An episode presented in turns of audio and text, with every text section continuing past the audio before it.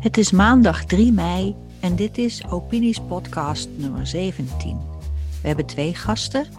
Peggy, ondernemer en blogger. En schrijver en redacteur Freek van Beets.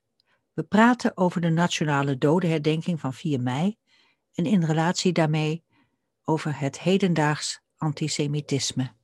Ehm, Peggy, hartelijk welkom. Misschien kun jij je even voorstellen, want je bent hier voor het eerst te gast. Even kort. Ja, ik ben Peggy, ik ben uh, ondernemer. Ik heb twee escape rooms. Ik ben helaas al een jaar dicht. Hè? Dus dat is wel vervelend. Um, ik blog ook heel veel en ik twitter en ik Facebook. Ik ben heel actief op social media. En uh, ik denk dat je me daarom ook hebt uitgenodigd, want ik schrijf heel vaak iets over Jood zijn, Jodendom en ook heel vaak over antisemitisme. Ja.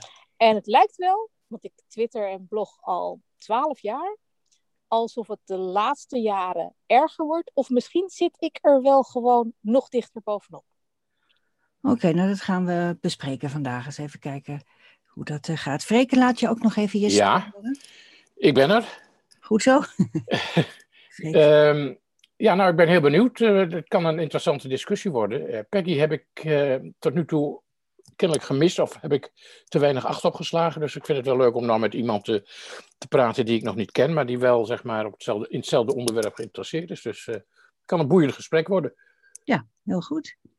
Um, nou, we zitten in de week van de Nationale Dodenherdenking op 4 mei. Uh, Nederland kent eigenlijk drie nationale herdenkingen. 4 mei is de Nationale Dodenherdenking. En dan is het de herdenking van 15 augustus. En dan uh, in januari is er de Nationale Holocaustherdenking. En dat is het volgens mij wel zo'n beetje. Ja. Het gaat om herdenkingen. Wat ja. doe je meestal uh, op 4 mei? Of wat doen jullie meestal op 4 mei? Um, nou, ik, uh, normaal uh, ga ik naar de Hollandse Schouwburg. Omdat voor mij dat de herdenking is die toch nog het dichtstbij komt voor het Jodendom. Dit klinkt een beetje dramatisch zo, hè? maar um, heel veel herdenkingen worden in mijn ogen een beetje gekaapt voor een hele andere agenda. Die gaan over hele andere dingen dan de Tweede Wereldoorlog. En ja, ik wil gewoon eigenlijk een beetje een traditionele herdenking houden. Ik ga overigens ook naar Yom HaShoah. En dat wordt meestal ook in de Hollandse Schouwburg gedaan. Soms mm. valt het samen. En dan doen ze maar één herdenking. Uh, maar meestal zijn het er twee. En dan ga ik naar allebei. Ja, ik ben, uh, ik ben nog nooit naar een herdenking in de Hollandse Schouwburg geweest. Misschien één of twee keer. Dat was misschien in de tijd dat ik toen nog in Amsterdam woonde. Maar toen gebeurde er volgens mij heel weinig.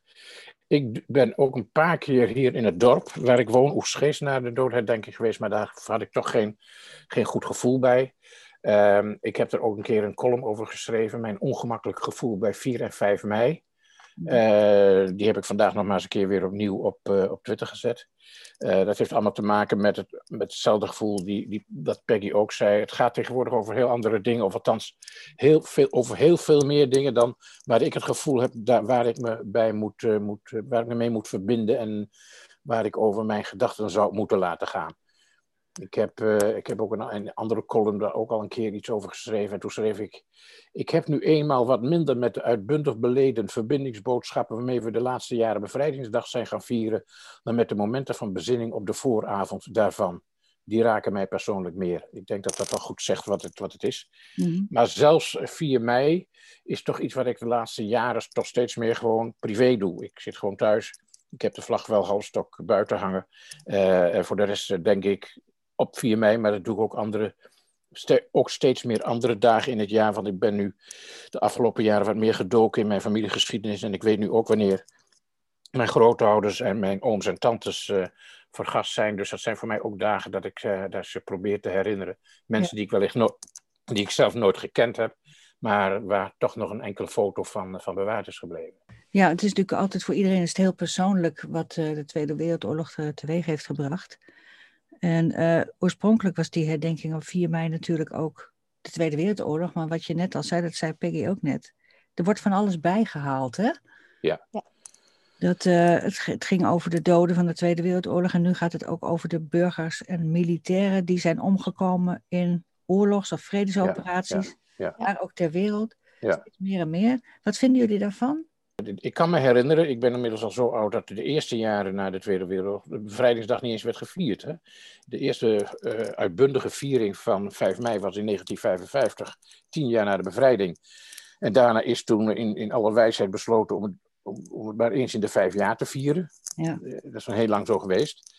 Dus met andere woorden, de viering heeft een, heeft een hele rare hele rare ontwikkeling doorgemaakt. En op een gegeven moment heeft men besloten om het uit te breiden tot, uh, tot allerlei groepen die niet onmiddellijk met, uh, met de Tweede Wereldoorlog te maken hebben. Joden speelden sowieso helemaal geen rol in het begin. Ik kan me wel herinneren als kind dat we op televisie wel eens keken naar een, een herdenking die dan werd uh, gehouden op 4 mei s'avonds op de Waalsdorpen, op de Waalsdorpenvlakte. Ja. Die herdenking stond dus heel sterk in het teken van verzetstrijders, van omgekomen verzetstrijders. Mm Het waren ook oud-verzetstrijders die, die, die zeg maar de, de, de erewacht toen vormden, dat weet ik nog. En ja, mijn vader had het daar wel over, want die is oud-verzetstrijder, maar goed, dat is een ander verhaal.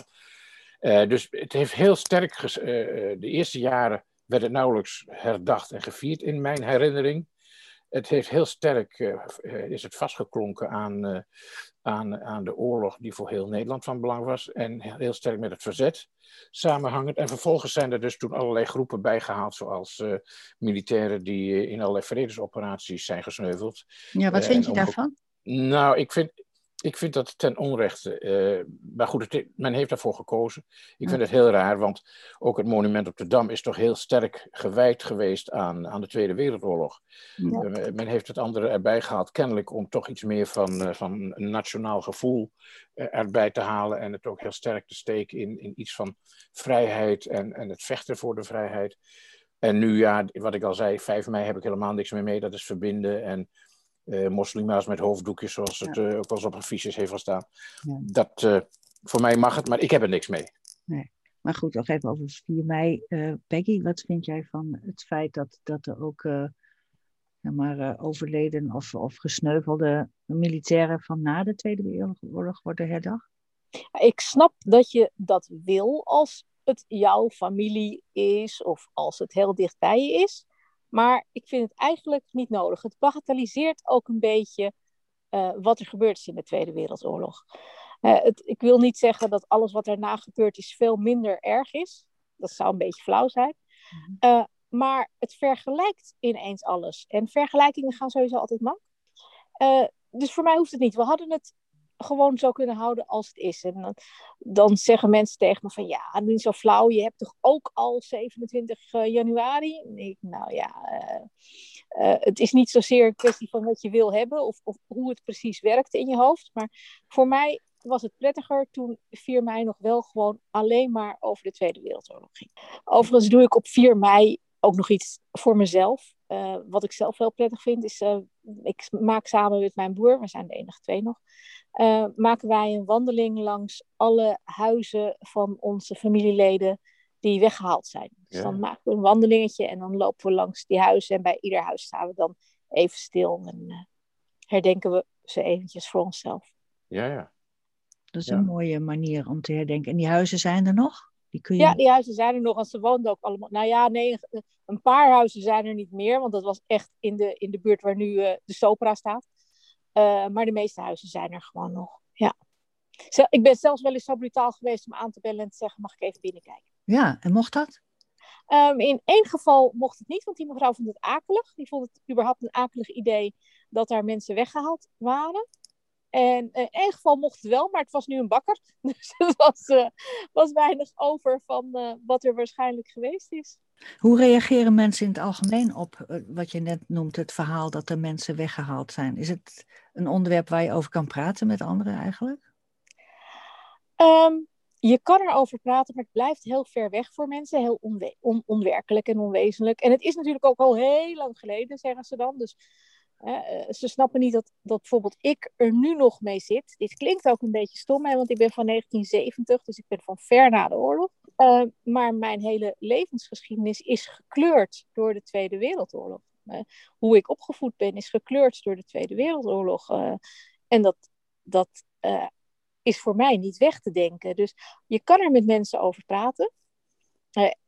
maar het is niet altijd makkelijk. En zeker nu ik geef ook gastlessen op scholen. Mhm. En van oorsprong ben ik ooit eens theoloog geworden in een gekke bui. Ja. en ik geef dus wel eens uh, gastlessen over de Tweede Wereldoorlog en over het Jodendom. En dan vertel ik ook wel eens mijn persoonlijk verhaal. Maar er is altijd iemand die begint over, maar Israël. En wat de Palestijnen nu aangedaan wordt, dat is net zo erg. Of mhm. veel erger nog. Um, dat maakt het heel lastig. Ja, wat doe je dan? Nou, ik probeer ze meestal uit te leggen. Meestal doe ik iets heel plastisch. Hè. Ik heb een, een, foto bij me van mijn twee tantes. Die waren acht en tien toen ze in Auschwitz vergast werden. Ja. Um, die foto laat ik zien. En dan zeg ik, uh, zij hadden daar niets mee te maken. Zij ja. uh, waren nog helemaal niet bezig met Israël. Want Israël bestond nog niet toen zij vergast werden. Uh, dus deze vraag is voor mij helemaal niet relevant. Ja, ja. En daar wordt dan genoegen meegenomen? Mm, nou, in die zin het gemorrel wordt minder. Ja. Maar ik echt genoegen genomen? Nou, nee, niet hoor. Nee, nee. Op Twitter trouwens ook niet en op Facebook ook niet. Nee. Ik, dat, dat, vind ik wel aardig wat je vertelt over dat huis. Ik heb twee jaar geleden een verhaal geschreven, Het Huis met Verhalen. dat is het huis waar mijn moeder is opgegroeid en waar de, de, berug, de beroemde iconische trouwfoto gemaakt is in die huiskamer op 5 mei 1942. Daarom is 5 mei voor mij ook zo, daarom al beladen. Want het is de huwelijksdatum van mijn ouders, 5 mei 42. En uh, die foto in die huiskamer met uh, familieleden, waarvan de meeste uh, zijn weggevoerd en nooit meer zijn teruggekomen, vermoord zijn.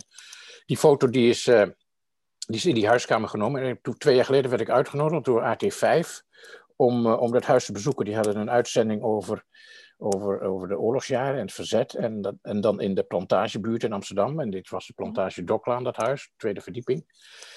Ik was nooit in dat huis geweest. Uh, ik wist dat mijn moeder daar opgegroeid was, maar daar, hing een, ja, daar hing toch een beetje een zwijgzame sfeer over. Maar goed, ik heb toen toch de stoute schoenen aangetrokken. En toen men mij vroeg of ik daar naartoe wilde komen, naar dat huis ben ik er geweest. En we zijn dus inderdaad in het huis binnen geweest. Ik heb ook in die kamer gestaan waar die trouwfoto is genomen, die er natuurlijk nu heel anders uitziet. En dat was toch een hele merkwaardige gewaarwording, moet ik zeggen, ja.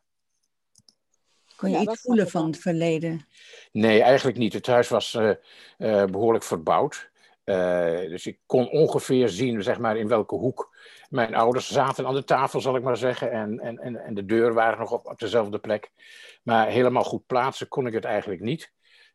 maar ja, het is, een, het is een raar gevoel. Mm, en ja, uh, deed het me wat? Ja en nee. Dus ik ben daar ontvangen door de, de huidige bewoner, een Oostenrijker die al een tijdje in Nederland woont en, uh, en, uh, en, en goed Nederlands sprak.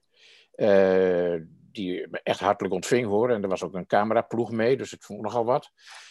maar die vertelde mij dat hij er wel wat van wist. Misschien ook omdat die hoorde dat die opname gemaakt werd. Maar hij was al de derde bewoner of de derde generatie in die, in die woning sinds, uh, sinds de Tweede Wereldoorlog. Want mijn grootouders van mijn moeders kant hebben de oorlog wel overleefd. Maar die zijn daarna nooit meer in dat huis terug geweest. Althans, even kijken. Maar het was helemaal leeggeroofd. Ook de, de, de opbergruimte van, uh, van mijn grootvader, die een klein winkeltje had, dat was ook allemaal leeggeroofd. Dus die zijn daarna nooit meer terug geweest. En dat is misschien ook wel de reden waarom wij als familie ook nooit meer in de plantage Doklaan terug zijn geweest. En oh, je noemde net uh, Israël en uh, Israëlische politiek.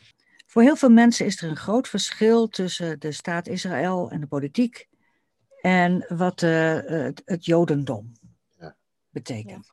Ja. zeggen, ja, ik mag natuurlijk gewoon wel kritiek hebben op Israël, want dat is net een, een land als alle andere landen en daar is politiek, net als alle andere landen hebben politiek, daar heb ik commentaar op. Dus wat is daar mis mee? Dat, hoor je, dat heb je net zelf ook aangegeven. Kan je eens toelichten hoe dat met elkaar verweven zit, of niet? Voor mensen die het niet begrijpen. Ja, ik ben er niet zo goed in hoor. Maar ik, eh, kijk, Israël is natuurlijk gewoon het enige Joodse land ter wereld. Een Joods, Joods land is ook een beetje raar om te zeggen natuurlijk. Maar ja, het is de enige Joodse staat. We hebben geen andere Joodse staat. Uh, als je het niet eens bent met de politiek van Israël, dat is heel vervelend. Maar kun jij als Nederlander ik ben natuurlijk ook Nederlands, maar kun je zeggen dat je het altijd eens bent met de Nederlandse politiek? Nou ja, dat lijkt me niet. Nee. Uh, kun, je, kun je zeggen, ik, uh, ik heb een Surinaamse moeder, een Surinaamse-Joodse moeder. Uh, moet ik dan zeggen dat ik het altijd eens ben met de Surinaamse politiek? Nee, dat ben ik ook niet. Um, dus het niet eens zijn met de politiek, dat zou eigenlijk helemaal los moeten staan van geloof of überhaupt van je mens. Je zou niet steeds afgerekend moeten worden op wat er in een ander land of zelfs in je eigen land gebeurt waar je geen grip op hebt. Hm. Aan de andere kant uh, ben ik zo iemand die Israël echt met hand en tand verdedigt. Ehm, dus als er iets negatiefs gezegd wordt over Israël, dan spring ik wel altijd op. Dus ik word altijd wel een beetje boos. Ja, dat, dat, gevoel, dat gevoel herken ik. En ik vind ook dat, dat in de hele discussie uh, een aantal zaken door elkaar lopen. Uh, ik, ik, noem, ik heb er onlangs uh, gezegd, Twitter gezegd dat de, de, de Jodenweken zijn weer aangebroken. Jodelweken noem ik dat. Zo rond 4 en 5 mei zijn de Joden ineens populair. Dan hoor je op alle radio-uitzendingen Joodse schrijvers en, en, en auteurs en Joodse sprekers. Want dan gaat het over de Tweede Wereldoorlog. En ik heb altijd de indruk van, als het over dode Joden gaat, dan is het allemaal wel prima. En zodra het over levende gaat en Israël en de levendige discussie daarover, dan doet men of er het zwijgen toe of men gaat met twee maten meten. En daar heb ik wel een beetje, een beetje tabak van, zal ik maar zeggen. Ja, want je wordt dan als Jood in Nederland aangesproken op wat Israël doet. Dat ja, is ja, ja, ja. En uh, zijn jullie Joden, zijn het dan en zo? Hè? Ja, jullie en zo, ja. ja. jullie hebben niks geleerd, alsof de Tweede Wereldoorlog een soort leerschool zou moeten zijn. Ja, ja precies. Uh, Freek die zei net, uh, van het is altijd één week in het jaar, dan gaat het allemaal over dode Joden. Ja. En de rest van het jaar ja, is alleen maar gedoe eigenlijk. En over dat gedoe moeten we het ook maar eens even hebben. Um, jij zei helemaal in het begin uh, dat je het idee had dat, uh, dat er meer gedoe is dan vroeger. Uh, ja. Is dat goed? Ja, misschien is het alleen maar mijn gevoel, hè? of zit ik er echt heel erg bovenop. Dat zei ik ook in het begin. Maar ehm, je wordt nu wel sneller aangevallen. Dat werd ik in mijn jeugd. oh, dat klinkt oud nu. Um, was dat minder zo. Ik wil niet zeggen dat iedereen toen zoiets had van, oh leuk Joden. Want dat is ook weer niet zo. Maar. Ehm, Hoe ging dat dan vroeger? Je ja, eigenlijk speelde, eigenlijk speelde het in mijn jeugd eigenlijk niet zo'n rol. Hè, ehm, afkomst was in mijn jeugd niet zo belangrijk. Geloof was in mijn jeugd niet zo belangrijk. En ik heb gewoon uh, in Amsterdam op een, uh, op een vrije school gezeten. dus het is niet uh, alsof ik heb niet op mijn Melonides gezeten. Dus, dus het is niet alsof ik alleen maar in een Joodse bubbel woonde. Maar zelfs buiten de Joodse bubbel was het niet echt iets ja, waar er een probleem mee was of over was. En uh, ja, nu uh, ervaar ik het toch als anders. Het klinkt heel stom, maar uh, ik raak vrienden kwijt de laatste tijd. Of het dan echt vrienden waren, is maar de vraag. Die gewoon dingen zeggen van, is het daar nooit eens klaar? Zijn jullie nooit eens klaar met die Tweede Wereldoorlog? Of moeten jullie nu alweer geld hebben? dan word ik heel boos. Ja. Um, dat, is, dat is nu wel echt meer dan vroeger. Ja, nou ja, dat zou kunnen. We hebben natuurlijk de sociale media gekregen, waardoor alle geluiden en ook rare geluiden natuurlijk heel erg uh, versterkt gaan worden. Maar ik, ik, ik, deel, ik deel die observatie wel. Hè. Ik ben natuurlijk wel wat ouder nog. Uh, ik kan me niet herinneren dat ik in mijn jeugd, uh, we waren het enige Joodse gezin in het boerendorp waar ik ben opgegroeid zeg maar de Zwarte Kousendorp bijna. Ja, we waren zelfs een beetje populair, hè, de Joodjes in het dorp, zou ik maar zeggen. En mijn vader was, mijn vader was heel, heel actief in, op zijn sociale leven, voorzitter van de voetbalclub. Uh, PvdA, uh, dus we waren heel erg links ook nog. Ik heb altijd gedacht dat we nooit vlagden op 5 mei, omdat we, dat we rood waren, heb ik ook geschreven. Maar dat had dus uiteindelijk blijkbaar dus iets te maken hebben met dat 5 mei de trouwdag van mijn ouders is. maar goed, ik dacht dat het heel iets anders was. En nee, ik heb eerlijk gezegd daar niet veel, veel hinder van ondervonden. Ik heb wel het gevoel dat het is ontstaan door de, nou ja, natuurlijk door, door Israël en, uh, en uh, de, de, uh, de, de, strijd met de Palestijnen, zal ik maar zeggen. Zeker na de Zesdaagse Oorlog, toen Israël heel erg populair was. Hè. Heel veel Nederlanders meldden zich toen als vrijwilliger in 1967. Ja. Maar toen kreeg je op een gegeven moment Arafat en de zijnen die de Verenigde Naties met steun van Rusland zover kregen dat de resolutie werd aangenomen: Zionisme is racisme. En dat heeft volgens mij de toon gezet voor, uh, voor de veroordeling van Israël en van het Zionisme tot nu, tot nu aan toe. Je hebt de Durban-verklaring gehad van het begin van deze eeuw, waar het nog eens een keer dunnetjes werd overgedaan. Uh, en dat legitimeert, zal ik maar zeggen, heel veel antisemitisme onder het mom van antizionisme. Ja, dus ja. de verwevenheid waar we het uh, daarnet ja. over hadden. Van, Er is maar één land, één Joods land in de wereld. En zodra daar uh, kritiek op geleverd wordt, dan raakt het ook jullie. Jou. Ja. Nou ja, mij wel in ieder geval. Ja. ja. ja mij ook. Ik heb daar familie wonen. Dus uh, ik ben er maar, maar, één keer geweest, maar ik heb er heel veel contact mee. En ik ben ook in de jaren zeventig vrij actief geweest met uh, de, de, het, het, ja, het bevrijden, of in ieder geval het vrijmaken van de Russische Joden. Hè. Je had in de jaren zeventig de zogenaamde dissidenten beweging. We hebben heel veel aan gedaan om uh, Rusland open te stellen, zodat Joden die daar werden vervolgd ook Rusland konden verlaten. Dat is op een gegeven moment ook gebeurd, eind jaren 70, begin jaren 80. Uh, maar die, die, die anti-Israël uh, legitimatie, zal ik maar zeggen, met een resolutie van de Verenigde Naties, gesteund door een, altijd een vaste meerderheid van Arabische en toen nog communistische landen en, en, en voor een deel derde wereldlanden, dat heeft heel sterk de toon gezet en dat heeft eigenlijk een, een, een soort keurmerk gegeven voor anti-Israël opvattingen. Ja, maar kritiek mag toch wel, of niet? Ja, nee, het gaat dus niet alleen om kritiek, maar het gaat om eh, het delegitimeren. Dus alle staten zijn, mogen onafhankelijk worden, behalve de Joden mogen, de Joden mogen dus geen eigen staat hebben. En voor zover ze die hebben, moeten ze zich heel voorbeeldig gedragen. Want nou, daar zeg je niet. Ze liggen zo onder een vergrootglas. Israël ligt zo onder een vergrootglas. Het is alsof de hele wereld continu kijkt van wat doen ze in Israël? Ja, ja, ja. En dan uh, ook nog van, hebben ze nog nooit iets geleerd van de Tweede Wereldoorlog? Ja. Nou ja, een bekende Joodse schrijver heeft ooit gezegd alsof de concentratiekampen een soort leerschool waren. He, dus uh, ja, uh, het wordt politiek gelegitimeerd en uh, ook Nederland doet daar gewoon aan mee, of je nou een VVD-kabinet hebt of niet.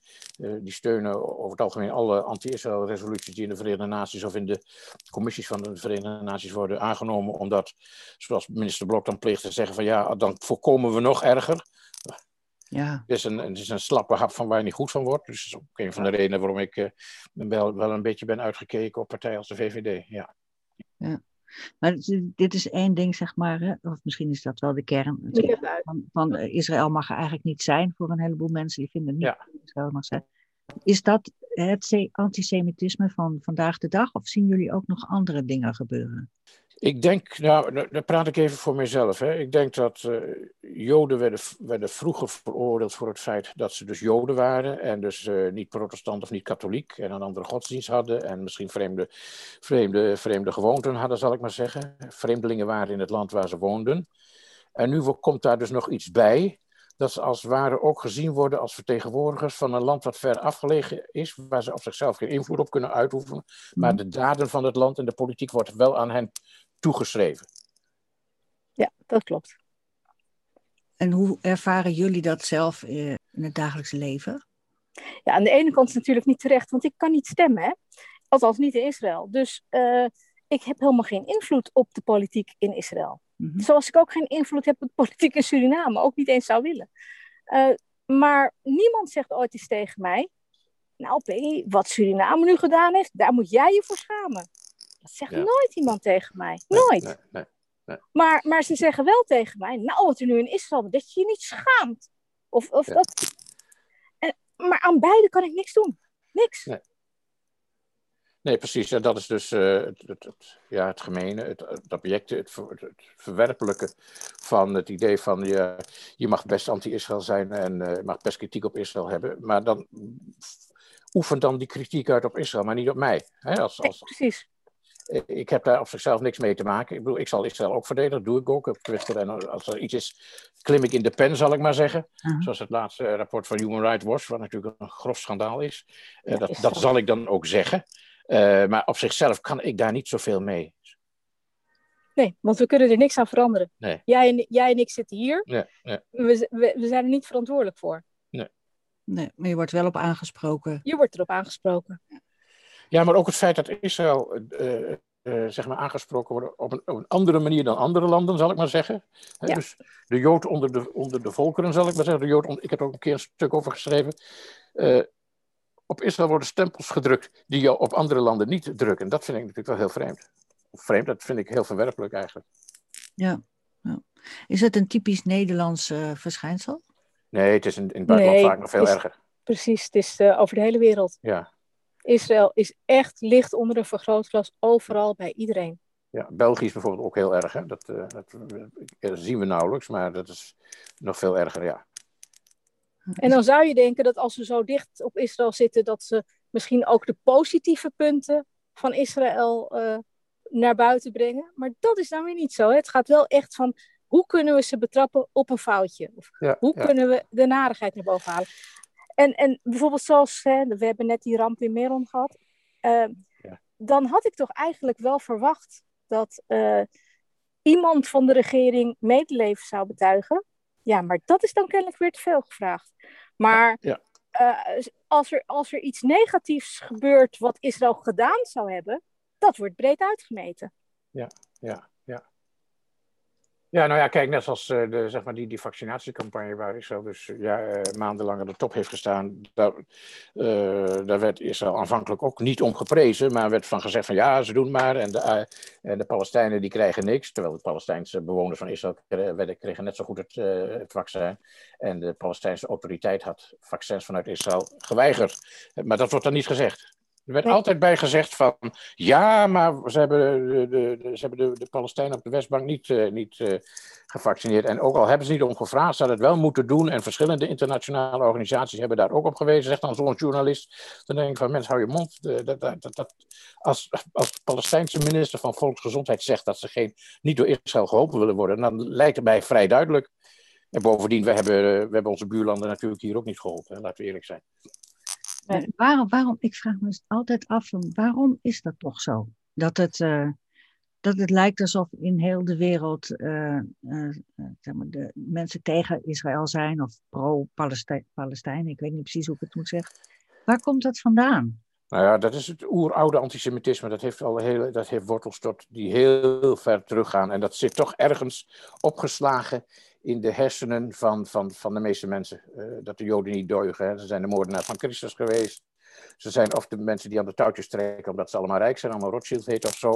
Of ze zijn allemaal uh, verwerpelijke communisten, dat was ook nog zo'n tijd. Er zijn altijd wel redenen te bedenken uh, waarop er op allerlei dingen die verkeerd gaan in de wereld of aan, aan, Joden worden toegeschreven. En ja, het is een, is een, een, er zijn boekenkasten over volgeschreven, hele goede boeken. Mm -hmm. en, en misschien heeft Sartre gewoon gelijk. Wij Joden moeten ons daar niet druk over maken. Het antisemitisme is het probleem van de niet-Joden. Nou, dat is wel mooi gezegd, want dat vraag ik me ook af als ik hoor van hoe wijdverbreid het is ja. en hoe, hoe ook in de tijd, hè? Ja. Van, van hoe moet je dan ooit uh, verwachten dat het voorbij zal gaan? Het gaat niet voorbij. Het wel nooit voorbij. Het gaat, nee. nee, het gaat nooit voorbij. Nee. Nee. nee. En dan is het de kunst voor de mensen die daar pijn van hebben om daar een vorm voor te vinden. Uh, om ermee om te gaan. Ja. Nou ja, door, ik, ik doe het door te schrijven en uh, door mijn eigen gedachten over dingen te laten gaan. En, en, Israël doet het, en dat vind ik dat ze heel knap doen, door gewoon te zorgen dat ze vooraan staan in, in wetenschap en, en ontwikkeling van technologie. Ja. Wij kunnen geen uh, iPhone in onze hand houden, als, hadden niet in onze hand kunnen houden, als een, deel van wat erin zit niet in Israël ontwikkeld zou zijn. Nou, ik kan nog wel even aan Peggy vragen, van, uh, hè, want jij zegt ook, ik ben vrienden aan het verliezen en zo, maar als je beseft dat het iets van alle tijden en van alle volkeren is om uh, ja, vervelend te doen over Joden en over Israël, hoe, kan je, hoe ga je daarmee om? Uh, nou, ik denk dat heel veel Joden daar niet mee om hoeven gaan, omdat heel veel uh, Joodse mensen toch in hun eigen bubbel leven. Ik ben geen, zoals ik dan zeg, buitenveldert Jood. Ik woon niet in buitenveldert. Ik ga niet alleen maar om met Joodse mensen uit buitenveldert. Ik heb dus ook niet een volledig Joodse vriendenkring. Want als je dat hebt, dan heb je al dit gezeur niet. Hè? Dan, dan is antisemitisme iets wat je af en toe een beetje tegenkomt. Want je ziet of, maar als je zoals ik gewoon ja, uh, vrienden hebt van alle lagen van de bevolking, of kennissen, in alle lagen van de bevolking, alle geloven, dan kom je het gewoon veel vaker tegen. Dan kun je zeggen van, nou ja, zoals jij eigenlijk een beetje impliceert van, nou het is van alle tijden, je moet het misschien wel maar langs je heen laten glijden. Maar dat lukt mij in ieder geval niet. Ja. Ik word, ik, ik, kijk, laten we dan, laat ik gewoon echt een, een, een voorbeeld nemen. Wij, uh, mijn broer en ik vertelden aan, een, aan een vriendinnetje dat, ik, dat we samen op vakantie in Israël zouden gaan. En toen zei ze, als jullie dat doen, dan wil ik niet meer bevriend met jullie zijn, want jullie kunnen niet naar zo'n land gaan. Oh. het, jaar, het, jaar, daarvoor was ik nog in China geweest en toen zei ze ja. ook niet, je mag niet naar China. Ja, ja, ja. Twee maten dat is heel erg, ja. ja. Wat, wat moet ik dan zeggen? Nou, nu wil ik jou ook niet meer zien. Ik zeg dan niks, hè, maar zij heeft de vriendschap verbroken. Uh, en ik heb er nooit meer gezien of gesproken. Ik vind het toch jammer. Ja. En dan vind ik, ik niet zozeer vanwege haar persoonlijk, maar gewoon het hele principe. Dat je elkaar uh, om, om zoiets uh, onwezenlijks, wat niet te maken heeft met wat voor persoon ik ben, al afkeurt. Ja. En hetzelfde eigenlijk om, om iemand af te keuren op jodendom op zich.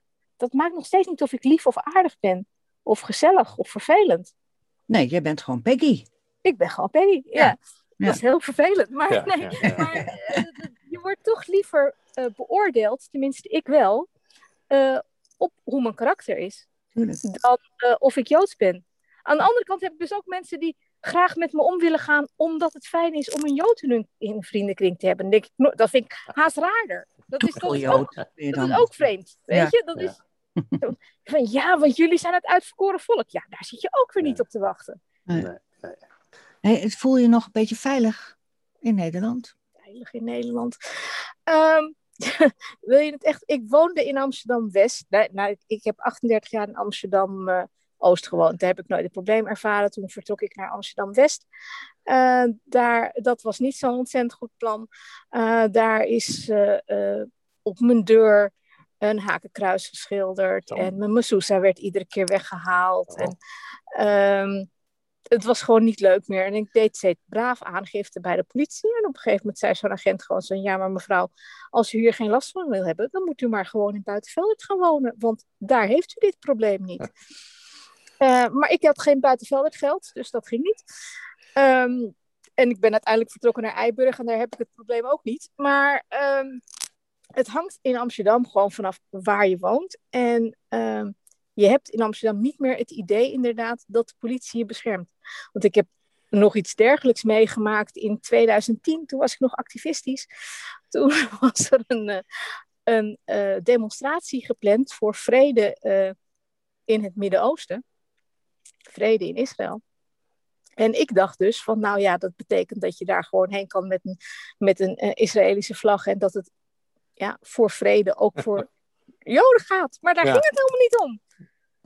Het ging alleen maar uh, over, over uh, Palestijnen en, en juist hoe slecht de Joden waren en hoe slecht de Israëli's waren. En dat is die, overigens die gevraagde demonstratie waar de eh, SP vooraan liep.